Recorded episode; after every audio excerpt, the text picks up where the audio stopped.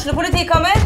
Ine Jansen er purk. Er du purk? The motherfucking bitch. Alt jeg vil, er å finne ut hva som skjedde med mannen min. Jon Carew. Er jeg sikta for noe? Iben Akeli. Det er du. Ole So, Lars Berrum og Big Daddy Karsten. Hvem sin side er du på, egentlig? Anette Hoff, Tone Danielsen, Kommer du fra Afrika? Jørnis Josef, Nesten. Kløfta. Trond Espen Seim, Det er synd å si det, men det var feil mann som døde. Purk. Premiere tirsdag på TV2 Play.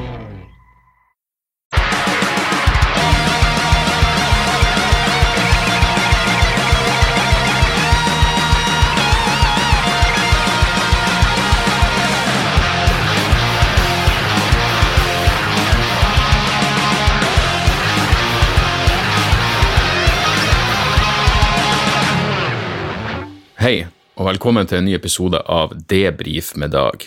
Jeg håper dere hadde en fin 1. mai. Eh, Sønnen min lurte på hvorfor ikke arbeiderne hadde ei frihetsuke i stedet, og, eh, og det er selvfølgelig et spørsmål. Kanskje, kanskje en gang i tida, men før det blir ei frihetsuke, så, så burde man kanskje få innført den sekstimersdagen. Jeg gjorde ikke en dritt. 1. mai er jo ikke typen som, eh, som går i tog. Jo, jeg jobba faktisk 1. mai. Jeg skrev en jeg skriver mån mitt månedlige bidrag til i Tromsø, uh, og arbeidstittelen er 'Helvete er andre foreldre'. Så får vi se hva, hva avisa gjør den om til, for å gjøre den litt mer klikkvennlig. Men uh, Så ja, jeg jobba. Jeg gjorde faktisk det, det her har jeg nevnt før en eller annen plass, men for mange år siden så, så gjorde jeg standup på blå på 1. mai. De hadde sånn rødt på blå-arrangement hvor det var ja, Rødt og SV, all slags skapninger på venstresida var samla på, samlet på blå for å, feire, for å feire 1. mai.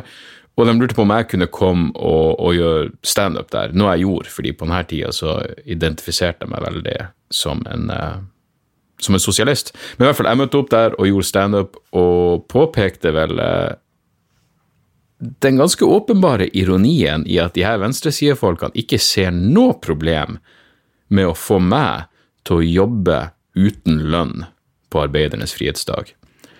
Og da husker jeg at jeg traff eh, Bjørnar Moxnes. Eh, han var vel ikke på det tidspunktet leder i Rødt, men han, han, han hilsa, hyggelig fyr, og så sa han eh, 'hei, kamerat'. Og det var greit nok, men hadde det vært nå, så hadde jeg hatt et kraftig problem med å bli omtalt som, som kamerat. Så dere forresten den nydelige passiv-aggressive konfrontasjonen mellom Bjørnar Moxnes og Sylvi Listhaug på, på, TV i går? Helvete, altså. Der var det Ja, det var så mye under overflata og på overflata. Ja, det er jo sånn, man, man kan jo være på hver sitt uh, ytterpunkt på det politiske spekteret uten, uten, å være uvenner, men de der to jævlene går åpenbart ikke godt overens. Det var så tydelig. Og så er det det at du må smile i tillegg, og der var jo Listhaug adskillig verre, men da Moxnes prata om hun som, som grill, First House i, i grilldress, så var det ganske, ganske så vakkert. Selv om man må si, når Listhaug får kritikk for hun prater om at det ikke er tilgivelse for IS-kvinner, så sa hun noe sånn Hvis du drar for å aktivt støtte opp om et regime som, som halshugger unger og voldtar over en lav sko og er aktive forkjempere for folkemord på religiøst grunnlag, så er det ingen tilgivelse for deg. Og jeg er ikke nødvendigvis uenig. Hva betyr engang tilgivelse i et sånt tilfelle? Um, og du må vel i tillegg ønske tilgivelse før du kan få tilgivelse. Ønske tilgivelse for det du har gjort og det du har stått for, og ikke bare si 'jeg vil bort herfra fordi det er kjipere enn jeg hadde regna med, fordi vi tapte'. Men, uh, men, det får nå så være. Så 1. mai er, er unnagjort. Mai er jo Fy faen, det nærmer seg 17. mai. Det er den verste Det er årets verste dag. Og uh, jeg, jeg, bare begynner å finne en sånn exit-plan. I fjor så um, så hadde klassen til sønnen Eller klassetrinnet til sønnen min hadde ansvaret for eh, 17. mai-arrangementet på, på skolen, og det er jo penger i klassekassa og alt det der, så da, da følte jeg ikke at vi kunne snike oss unna. Så jeg sto jo og steika burger faen meg i tre timer i strekk. Jeg var så forgifta av røyk. Jeg, var, jeg, jeg, spiste ikke én burger eller pølse. Da skjønte jeg at det, det, det ville funka som slankemiddel, det å stå over en grill i tre jævla timer. For jeg, jeg tror jeg ble røykforgifta. Jeg hadde i hvert fall ingen appetitt i det hele tatt, og spiste ikke en dritt sjøl. Så eh, Men ja, i år så har jeg lyst til å bare stikke av gårde. Sønnen min har tre år på rad hatt lyst til å gå i 17. mai-toget, og jeg har vært sånn Hei, hva enn du har lyst til. Men i år må jeg ærlig innrømme, jeg prøver å nudge han til å si nei. Jeg prøver å minne han på Hei, du har vært ganske Du har syntes det har vært jævlig kjedelig de andre gangene. Det er liksom, det går mye tid til uh, ingenting. Så, um, så, så vi får se. Jeg har lyst Men nå har vi Morty Dog også, og det er jo faen ikke så lett å Det er ekstra styr å skal reise en plass og ha han med. Uh, jeg vet ikke hvor mange hotell som er hundevennlige. Kan, kan, du ta bikkja? Jeg husker jeg og dama vi må jo faen meg, vi dro på danskebåten på 17. mai. Det var før vi en gang hadde fått, eh, fått Sander.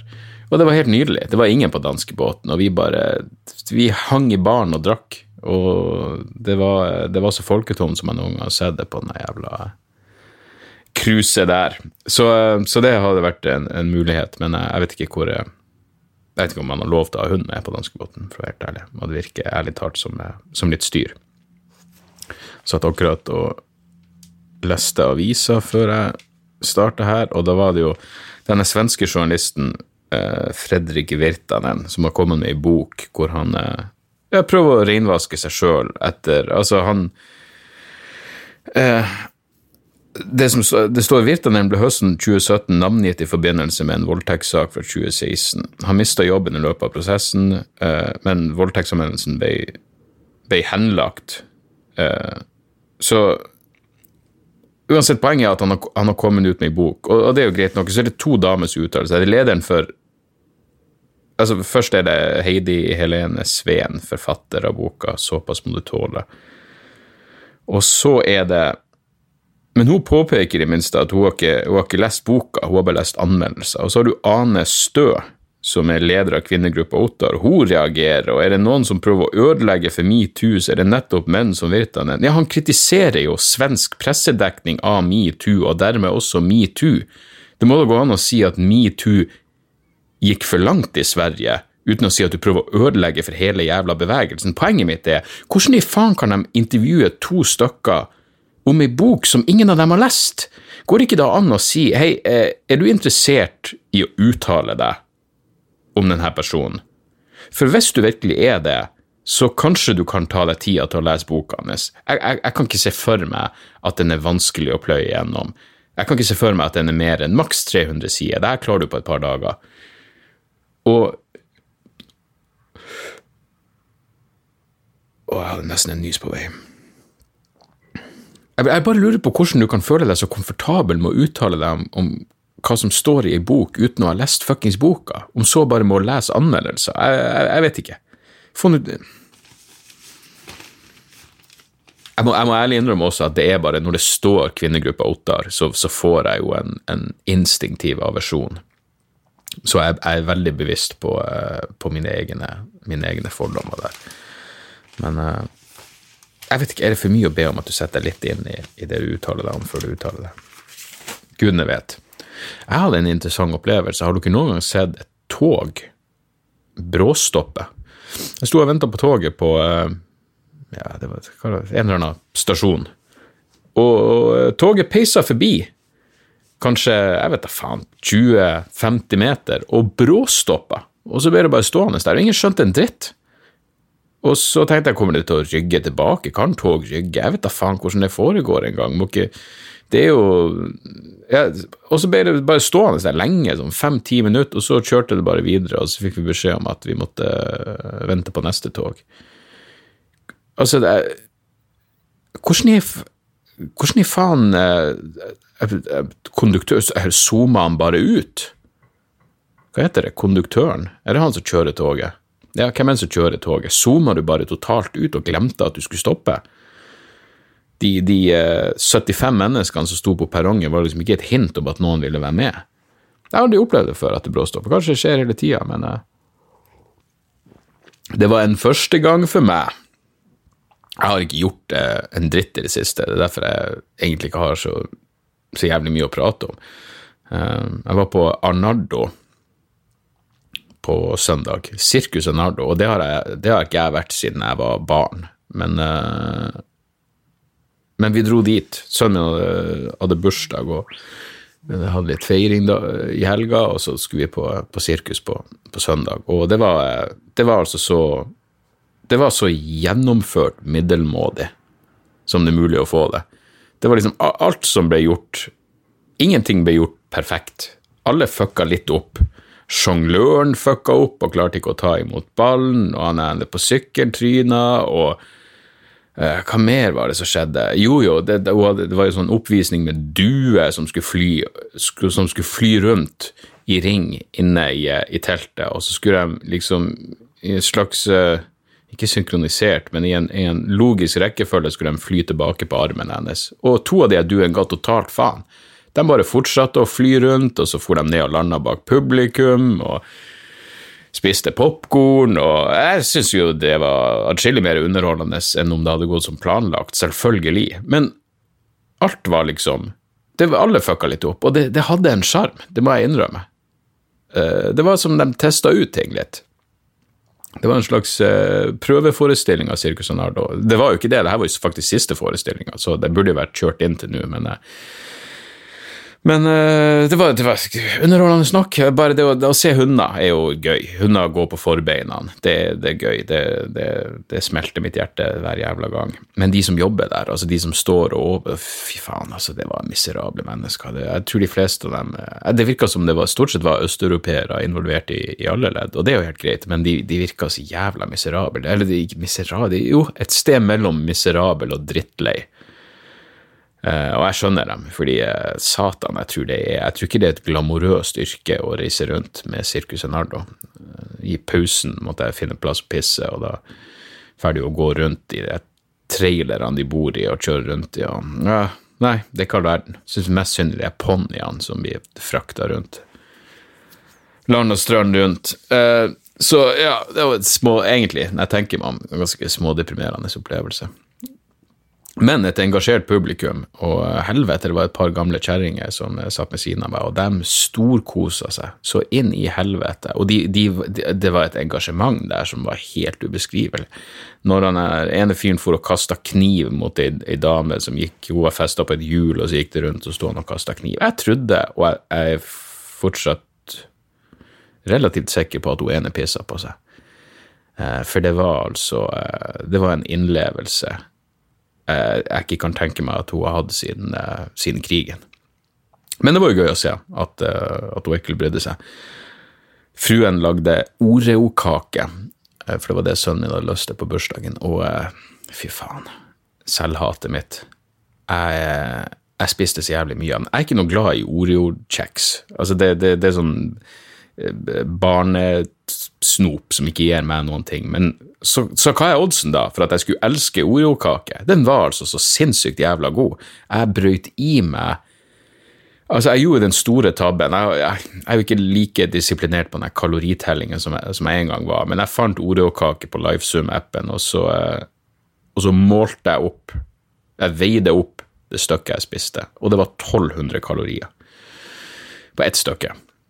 Så eh, det var faktisk så ille at jeg det er helt fakta. Eh, fordi det var på søndag, da spiste jeg orokake. Men så blir den stående i kjøleskapet, så hva faen skal du gjøre? Du, du må jo spise den. Så på, uh, i går ettermiddag, var det vel, så var det plutselig sånn Plutselig så fruen gikk ut med Morty i dag, og Sander var ute med noen venner. Så jeg var sånn, jeg har alene nå, nå kan jeg bare se på et YouTube-klipp og, og, spise kake. Så jeg brøt i meg ja, ei sånn 1500 kaloriers 1500 kalorier rett inn i eh, det grådige fråtselnebbet mitt. Og med det samme jeg hadde svelget siste bitet, så er det her helt fakta. Jeg sendte ei melding til ei jeg kjenner som er tidligere anorektiker, og så spurte jeg hvor fort må jeg kaste opp det jeg har spist for at jeg ikke skal legge det på meg, og hun svarte rundt 15 minutter, og jeg tenkte faen, faen, det er gått 22 minutter, og eh, da er det rett og slett ikke verdt det. Og så ble hun bekymra for at jeg faktisk vurderte å kaste opp. For en, en tidligere anorektiker tar det jo selvfølgelig mer seriøst enn jeg gjør når jeg tror jeg må kaste opp. og hvor seriøs, for jeg måtte si rundt 40 Rundt 40% seriøst, og da regna hun ut at hun bare trengte å bekymre seg 60% og det, det ga jo mening. Men eh, ja, nei, helvete, nei, orokaka var, var, helt nydelig. Og vanligvis vil jo jeg gi faen, jeg er jo såpass eh, fråtser og livsnyter at jeg, jeg, klarer å bryte i meg noen kakestykker uten uten å gå rett inn i selvhatsmodus. Men som vi var inne på sist, denne påsken min var jo også Jeg var jo marinert i sukker gjennom hele jævla påsken, så det kan være derfor at jeg at jeg ble litt selvkritisk etter å ha tatt, tatt hele middag Nesten det jeg skal ha av kalorier i løpet av en hel dag, inntok jeg i, uh, i Oreo-kake. Og hadde det vært at jeg tok det inn i uh, gin tonic eller Bloody Marys, så ville det ikke vært Det, det føles mer voksent enn Oreo-kake. Det er poenget mitt. Så hadde vi dugnad i uh, boligsameiet på lørdag, og jeg gjorde altså en sånn helvetes innsats. Og folk er veldig forskjellige, men jeg er den typen som hvis det er noe jeg anser som drittarbeid, så har jeg ikke lyst til å porsjonere det ut. Jeg har ikke lyst til å ta en masse pauser underveis. Jeg har ikke lyst til å kose meg og være sosial. Jeg har lyst til å bli fuckings ferdig fortest mulig. Og Jeg tror noen av naboene så på meg litt som en sånn uh, relativt humørløs kuk, fordi jeg for bare. Jeg ble, Først tok jeg og, og opp sand, så fikk jeg, fikk jeg det unnagjort, og så, og så var det sånn uh, bark. Kan det ha vært bark? Noe som man legger rundt uh, sånne små planter og trær og sånn. Jeg, jeg vet bark tror jeg det var. Det skulle i hvert fall Eh, bark skulle eh, fordeles utover et visst område, og eh, det var en svær dunge med bark, så min jobb var da Jeg tok trillebåra, så fylte jeg opp i bark, og så for jeg bort, og så helte jeg det ut der jeg fikk beskjed om å helle det ut. Og det gjorde jeg vel sikkert to timer i strekk, og jeg nekta å ta pause. Etter hvert så rulla de ut kaffe, og de rulla ut kake, og de rulla ut brus og de stoppa opp underveis. Det var ikke sånn én sånn at alle tok pause utenom meg, men alle tok pause når de førte for det, og alle tok i hvert fall en pause i løpet av dugnaden, men ikke meg. Ikke faen. Jeg kjørte på. Og prøv, noen prøvde liksom å si at det, det, er kaffe der hvis du har lyst på. Og jeg var sånn takk, men nå begynner jeg å se lys i en av tunnelen med det her, så jeg har bare lyst til å bli ferdig. Uh, og jeg skjønner jo at sosialt så skårer du ingen poeng på akkurat det, men, uh, men igjen, jeg syns ikke det vi holder på med, er gøy, så jeg har ikke lyst til å gjør, gjør, prosessen lengre enn den må være. Jeg har bare lyst til å bli ferdig, og så ja, bli ferdig, rett og slett. Men jeg var faen meg støl etterpå. Jeg var skikkelig støl. Det var jo bevegelser jeg ikke har gjort eh, sikkert siden jeg hadde gym på barneskolen. Så eh, Men digg å, å, ha det gjort. Så jeg har vært flink å gå tur. Jeg har en sånn fast runde jeg går rundt, eh, rundt Østensjøvannet her, og det er vel ja, jeg har sikkert nevnt det før, men jeg tror det er rundt 7,5 km. Og det som er fascinerende med den turen, er at det er altså det er alt mellom himmel og jord som går rundt Østensjøvannet. Det er faen meg alt fra voldelig overvektige mennesker til topptrente folk som er ute og har sånn spurterunder frem og tilbake der. Og jeg liker det. Jeg liker den estetiske variasjonen det er å, å trå den runden. Og så kan jeg gå og høre på en lydbok, og jeg kan jeg høre på musikk. og Det, det kommer litt sånn an på. Det, det, virkelig, det kommer an på dagsformen. For jeg har, jeg har den ideen om at ok, men når jeg først skal gå, så er det en form for trening, og da burde jeg høre på noe, jeg burde få noe inn i hodet. Og samtidig er det sånn, fuckings slapp nå bare av. Hør, hør, på noe musikk, kos deg. Prøv å nyte det. Eh, en kompis ringte meg mens jeg var, mens jeg var på tur, og så sa han kan, man bare gå i stillhet og høre på naturen. Det høres ut som en oppskrift på et angstanfall. Men uh, kanskje en gang i fremtida. Men uh, enn så lenge så, så, liker jeg å prøve å få noe inn i, inn i skallen mens jeg tror ennå. Eh, eller så har Morty fått Jeg har Fruen påpekte at jeg har et stort jeg, jeg, jeg, er ikke den mest sosiale personen i verden, men jeg har et stort nettverk av folk. Jeg kjenner mye forskjellige folk. Så det som har skjedd, at Morty ved flere tilfeller Jeg ble faen meg livredd her i påsken. Han, jeg trodde han holdt på å kveles. Han begynner liksom, Først begynner det som nysing, og så blir han helt stiv i kroppen. og så så jeg var fuckings livredd første gang det skjedde. Og så viste det seg at det hadde skjedd eh, en gang tidligere når ikke jeg var hjemme, og da ble de andre livredde òg. Men så skjedde det flere ganger med sånn korte intervall, og da Så nå sist når det skjedde, jeg skjønte jo at han, han kom ikke til å stryke med, han har ikke pusteproblem, men uh, jeg filma det, og så sendte jeg det til ei venninne som er veterinær, og spurte er du anelse om hva faen som foregår her, og hun sa det er en nesemidd. Det er garantert nesemidd. Og så uh, sendte hun inn en resept på medisin som var jævlig hyggelig gjort. Men uh, det, er bare, det, det, er kjekt. Jeg merker at det er kjekt å kjenne folk. All slags folk. Hvis jeg har det er noen psykiske problemer, jeg sender melding til han. Og hvis bikkja Hvis bikkja ikke får puste, så sender jeg melding til henne. Og um, ja, så det det var kjekt, så nå får han medisin, og han er fortsatt smittsom. Og så er det litt ekkel. Midd, er ikke det? Det er jo noe som lever, er ikke det? Det er noe som lever inni nesa på han. Og det er litt sånn litt småcreepy å tenke på, men det er sikkert mye som, eh, som, lever i oss, som man ikke nødvendigvis har lyst til å tenke over. Uh, så ja.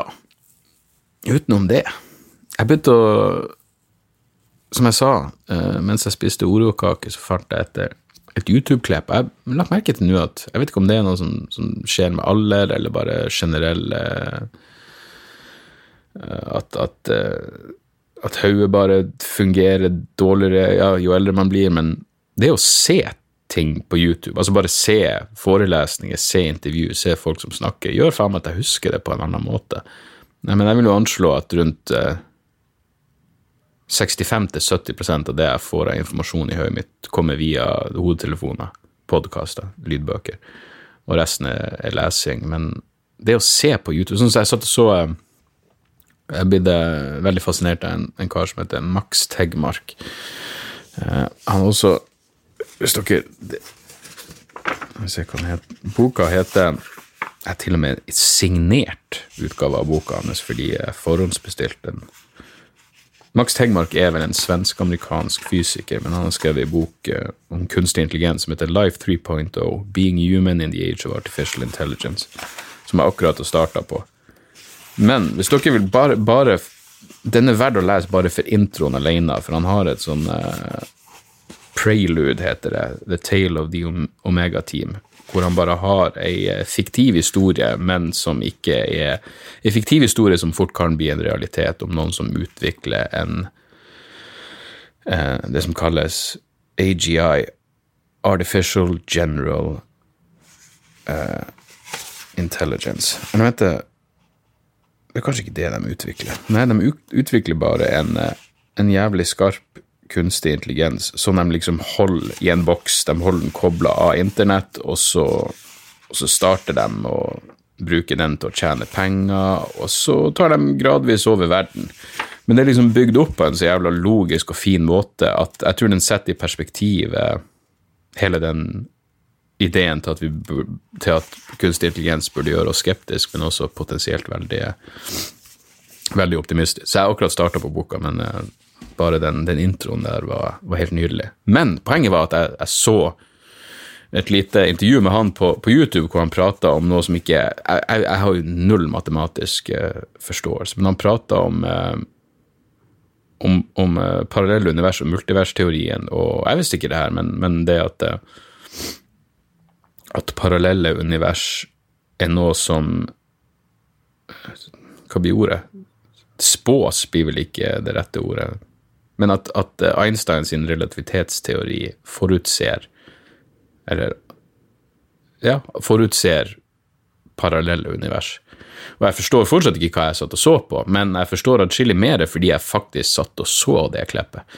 Og det er noe med det at det varte i sånn seks-syv minutter. Det er, det er en veldig um, overkommelig mengde informasjon, særlig når du, har, når, du, egentlig ikke forstår det som blir sagt, så kan du fortsatt jeg, jeg, kan høre på noe som jeg ikke forstår i syv minutter, og bare huske små tidbits, og så kan du gjenfortelle det på en dårlig måte, men du virker jo atskillig smartere enn du er. Bare det, å, bare det å si noe sånt som at Einsteins relativitetsteori, den, den, den spår jo eh, parallelle univers. Ja, jeg vet jo ikke mer enn det, men jeg skjønner jo hva den setninga betyr. Og det er, jo, eh, det er jo, noe. Men jeg skal, meg, jeg skal se mer ting på YouTube, fordi eh, det er noe i det. Jeg satt også og så hele den Rogan-episoden. Det var det jeg gjorde i min Oreo-kakeorgie, at jeg så på Anthony Jessenick på Joe Rogan Experience. Og jeg hører jo på Rogan ofte. Det kommer, an, det kommer, veldig, det kommer utelukkende an på gjestene. Men jeg liker Anthony, Jes Anthony Jeselnik, og han er jo en, en kjekk og slank herremann. Og så googla jeg også og fant ut at han er født samme året som meg, så det å stappe trynet sitt fullt av Oreo-kake mens du ser på en, en, person som er like gammel som deg, men som er, som er slank og fin, det var jo selvfølgelig potensielt deprimerende, men også selvhatsgenererende, som igjen er motiverende. Så, så det var interessant. Jeg så også, der er forbi tipsdelen, jeg så hans nye special, Anthony Jeselnik Fire in the Maternity Ward på, på, Netflix, og den var bra. Den var bra. Syns vel den forrige, hva enn den heter, Thoughts and Prayers, kanskje, syns vel den var bedre. Altså, det går litt, For det første går det litt for sakte for meg, og så blir det for ensformig. Og vitsene er jo veldig formulariske. Jeg mener, er, noen av dem er helt fantastiske. Altså, åpningsvitsen på det her showet på Fire in the Maternity Ward er perfekt. Helt nydelig. Um, men, uh, men, det blir litt, uh, det blir litt ensformig i, lengden. Jeg liker at han har en lang historie på slutten, men kunne vel miksa det litt mer opp. For alle vitsene er jo det som kalles switcheroo, og etter hvert ser det sånn det, det, blir sånn at du ser hvor det er på vei, men så blir du fortsatt imponert over, uh, over hvordan han klarte å, å vri det. Så det er verdt å se, men det, det, bare føles som om han kunne vært en enda bedre komiker hvis han Ja, hvis han var litt mindre karakter og fortalte, og fortalte mer, mer, historie. Men, eh, men uansett, det, det, ser ut til å funke greit. Den, den, strategien han har lagt, ser ut til å funke jævlig greit, så hvem i faen er jeg til å komme og fortelle han hvordan han burde, hvordan han burde burde styre karrieren sin. Det ser ut som han har tatt noen, noen, riktige valg. Og han virker som en jævlig fin fyr. Jeg vil bli overraska hvis ikke han er en helt nydelig person på det private plan, fordi de som har den humoren, er generelt det, og de som har den, den påtatt snille humoren, er vel eh, de som er moralske monster av scenen. Så der, så.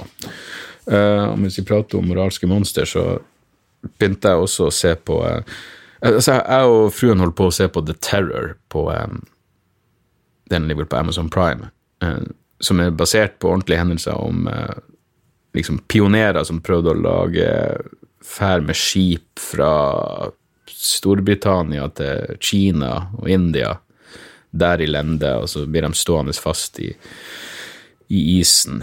Uh, og det var liksom basert på Men etter sånn fem episoder så tenkte jeg faen, det her er ganske ensformig. Det, det, er noe, det, er ikke noe, driv fremover i serien. Og så kanskje det bare er meg. Det er mulig det er en metafor på et eller annet vis, men det begynner å bli noe sånn overnaturlig element. Det, det har jeg ingenting til overs for i akkurat denne serien.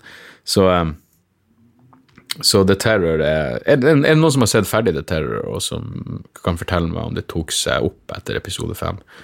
For jeg syns det begynner å bli litt kjedelig. Så uh, vi switcha over til uh, The Act, uh, serien med Patricia Arquette som er basert på um, historia, altså dokumentaren som jeg nevnte tidligere, 'Mommy Dead and Dearest', som handler om uh, Munchhausen by proxy. Altså ei sann historie. Det er ikke noe spoiler, det er jo allerede første episode, men ei sann historie om ei, ei mor som holder dattera si sjuk på de sykeste måter og uh, hvor det ender opp med at dattera tar, tar, livet av mora. Jeg har bare sett første episoden, men det virka sånn solid kvalitet. Og jeg, jeg, jeg, ble våt på øynene flere ganger, for det er noe som er så Ja, det er bare å se det, men det er noe som er så fucked up. Og det fikk meg også til å tenke sånn Hvis du bare så på det objektivt, så er det jo en voksen person som psykisk og fysisk torturerer et barn. Hvordan kan man ha noe, noe sympati for det? På den andre sida så er hun jo åpenbart Jeg vet ikke om det er åpenbart, men hun er jo på et eller annet nivå glad i sitt eget barn også. Men uh, Så du syns jævlig synd i mora òg, men allikevel, det er faen meg Det er sprøtt at det må være et så utbredt fenomen. Altså det å, å gjøre sine egne barn sjuke. Du har de som Ja, nå er det mulig, jeg vet ikke om jeg husker det rett, men jeg tror Munchhausen er at du gjør det sjøl sjuk for å få oppmerksomhet og sympati, mens Munchhausen bare proxy at du gjør noen rundt Jeg tror ungen din spesifikt, at det handler om å gjøre ungen sin sjuk. På grunn av den, den sympatien og, og som altså det genererer. Og det er sprøtt at det er så utbredt at det er et fenomen. Det var vel også ei av historiene i uh, The Six Sense-filmen, var ikke det? Om ei som driver og forgifter dattera si, og ja, det har vært flere flere eh, serier som har handla om det samme. Men det, det er fascinerende, men eh, creepy. der er vi jo faen meg på en halvtime uten at vi uten at vi rakk noen mailer. Så vi ser om vi kan ta et par kjappe. Uh, Monica skriver podkastskryt pluss spørsmål. Hei. Uh, utrolig fascinert av det, måten du legger bla, bla. Hyggelig, hyggelig, hyggelig. Ville egentlig bare fortelle at jeg sender aldri inn meldinger til radioer for konkurranse eller svarer på spørsmål osv., men i uka som var, spurte P4 om hvilken komiker man trodde kunne passe som statsminister. Da måtte jeg sende inn navnet ditt, for hadde du blitt statsminister, hadde all bullshit blitt fjerna, og tror du hadde rydda bra opp, men lurer på hva slags saker hadde du lagt frem, og ikke minst, hva ville du fjerna? Det var jo et stort spørsmål, Monica. Jeg vet ikke i hvor stor grad jeg ville blitt i stand til å fjerne all bullshitet, og nå er det vel ikke sånn at hvis Heldigvis er det ikke sånn at en statsminister er en diktator som bare kan fjerne ting på uh, willy-nilly, så det er vel vanskelig å si hvilke forandringer som faktisk spiller hvilke forandringer ville blitt gjennomført selv om jeg ville gått inn for å selvfølgelig umiddelbart fjerne monarkiet, fjerne statskirka, for den eksisterer fortsatt, selv om den, det ikke heter statskirka lenger. Eh, legalisert all narkotika, gjort Forsvaret om til noe som faktisk skal forsvare Norge, ikke være ikke være ja, bare et, et, ledd i Nato sine angrepskriger. Um, alle de der tingene. Du vet. Men hva det jeg ville fått, uh, fått, gjennomført, hvor lang tid det ville tatt før jeg ble skutt eller bare stoppa av Stortinget, det må jo, uh, det må jo faen vite.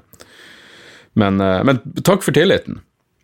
Takk for tilliten. Philip Ja, den her var jo faen meg lang. Philip skriver pepper og musikk. Hei, takk for fin podkast. Har noen enkle betraktninger rundt dine uttalelser rundt tollere og pepperspray. Syns du det er så gærent at tollerne går med pepper, altså? Pepperspray er først og fremst et defensivt våpen. Våpen i anførselstegn. Det er ikke et våpen i anførselstegn, det er et våpen. Pepperspray er først og fremst et defensivt våpen, altså til beskyttelse, skråstrek selvforsvar. Er også relativt ufarlig for den som blir utsatt for det. It's only a plant, knis. I Sverige er tollen utstyrt med både batong og pepper. Etter mitt syn ligger vel hele problemet i at tollen ikke har skikkelig lovverk som regulerer, bruk, regulerer, bruken av dette. Du nevner vel også det i episoden. Tollen som plasser på grensene våre, møter på mye rart, og skal også fra tid til annen pågripe personer i påvente av hjelp fra politiet. Pepper i utrustningen vil gjøre at de effektivt og relativt skånsomt kan beskytte seg mot personer som angriper noen de faktisk opplever fra tid til annen. Uh, ja, den her er lang, men jeg sa vel det jeg hadde å si. Jeg sa bare at før du skal utvide staten sitt voldsmonopol, så bør du ha et argument for det, og ditt argument er at de trenger det til selvforsvar. Mitt argument er at det finner du ikke ett eksempel på. Særlig ifølge tollerne sjøl når denne saken kom opp, i og med at Siv Jensen hadde igjen tillatelse til å bruke pepperspray i en begrensa periode, og så hadde de bare fortsatt med det. De hadde ingen eksempel på situasjoner hvor de faktisk trengte det. Og hvis autoritetspersoner kan klare seg uten våpen, for det er et våpen, så syns jeg vi skal fortsette med det. Og ikke gi noen insentiver for verken misbruk eller at eh, potensielle lovbrytere skal begynne å uh, ha egne våpen for å beskytte seg mot peppersprayen. Og jeg har aldri blitt utsatt for pepperspray, men jeg tror ikke det er bare bare. Jeg tror ikke det er ingen verdens ting å få pepperspray i trynet. Så, um, så igjen, jeg husker ikke hvilken episode jeg prata om det, men jeg føler vel at jeg sa det jeg hadde å si, og jeg har ikke holdt meg videre oppdatert på saken, men jeg har heller ikke sett noen grunn til å, til å skifte mening. Så uh, rekker vi Vi tar én til. Um, Flyassistert selvmord. Dag etter å ha hørt bonusepisoden hvor de gjester eh, Lepperød ble snytt for ei helnatts søvn. Ble liggende og tenke på følgende, hvis du skal henge deg på dassen på et fly i full fucking stupmodus, hvor fester du tauet med tanke på gravitasjonskraften? Hadde gått all in på nederst rundt dassen med visshet om mulig pinlig scene. Spør for en venn, eller skal du ha kred for din formidlingsevne? Norges desidert fremste og morsomste komiker. Hilsen Børge. Tusen takk, Børge. Sendt fra hans Xperia smarttelefon fra Sony. Uh, du, jeg må innrømme, når jeg uh, For det her er jo den bonusepisoden Debrif uh, co-cast med hunden min ble spist av en hamster, som kom for noen uker siden. Hvor jeg ble spurt om måte å dø på.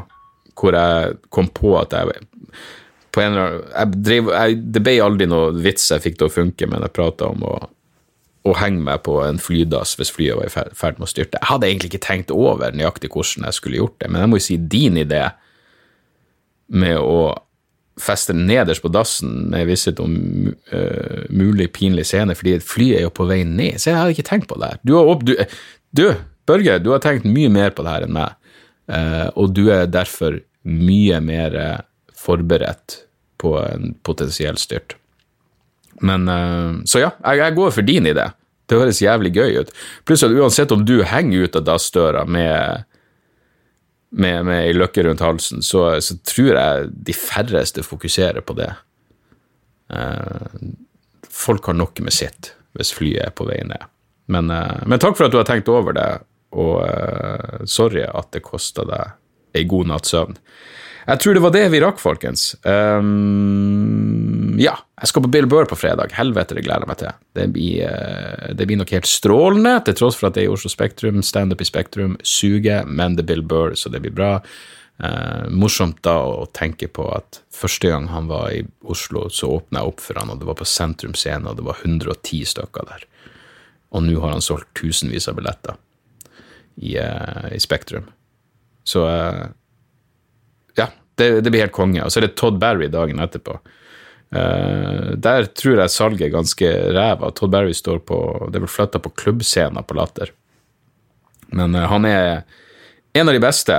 Uh, jeg tror Jeg klarte jo for mange år siden så hadde Crap Up Park hadde et sånt konsept hvor de var sånn Jeg spurte om jeg hadde lyst til å velge Jeg kunne liksom lage ei sånn liste med komikere jeg ville at de skulle prøve å booke, og så skulle jeg være konferansier, og så skulle den komikeren stå. Og på den lista var Todd Barry. Han var ikke øverst, men han var på lista. Problemet var at jeg sa til han backstage før showet uh, at uh, han ikke var øverst, og så nevnte jeg vel alle de som var før han på lista. Jeg gjorde det i et forsøk på å være morsom, men Todd Barry er en sær jævel, og vi hadde ikke brutt isen engang. Det her var mitt forsøk på å bryte isen, og jeg kan jo, hvis jeg skal se meg sjøl utenfra, så kan jeg jo skjønne at han eh, tok det ille opp, og at jeg fremsto som en kuk. Eh, så, så, vi gikk ikke noe sånn veldig godt overens på det personlige plan, men han er en jævlig bra komiker. Eh, så, så hvis du ikke har noen planer på lørdag, så vil jeg absolutt dratt og sett, sett Todd Barry. I kveld så står jeg på Chateau Neuf og Loftet på Rockefeller. Eh, to relativt nye klubbkonsept, tror jeg. Men eh, det er meg og en masse andre komikere. Jeg skal bare prøve å eh, teste ut litt ting og alt det der. Så, uh, så, hvis du hører der i tide, kom gjerne innom en av de plassene. Hvis ikke, så, så ses vi rundt, og vi høres, folkens. takk for at dere hører på. Rate and review, spre ordet. Mailadressen til denne podkasten er debrifpodkast.gmail.com. Podkast med C Selvsagt. Det her vet dere. Tjo og hei!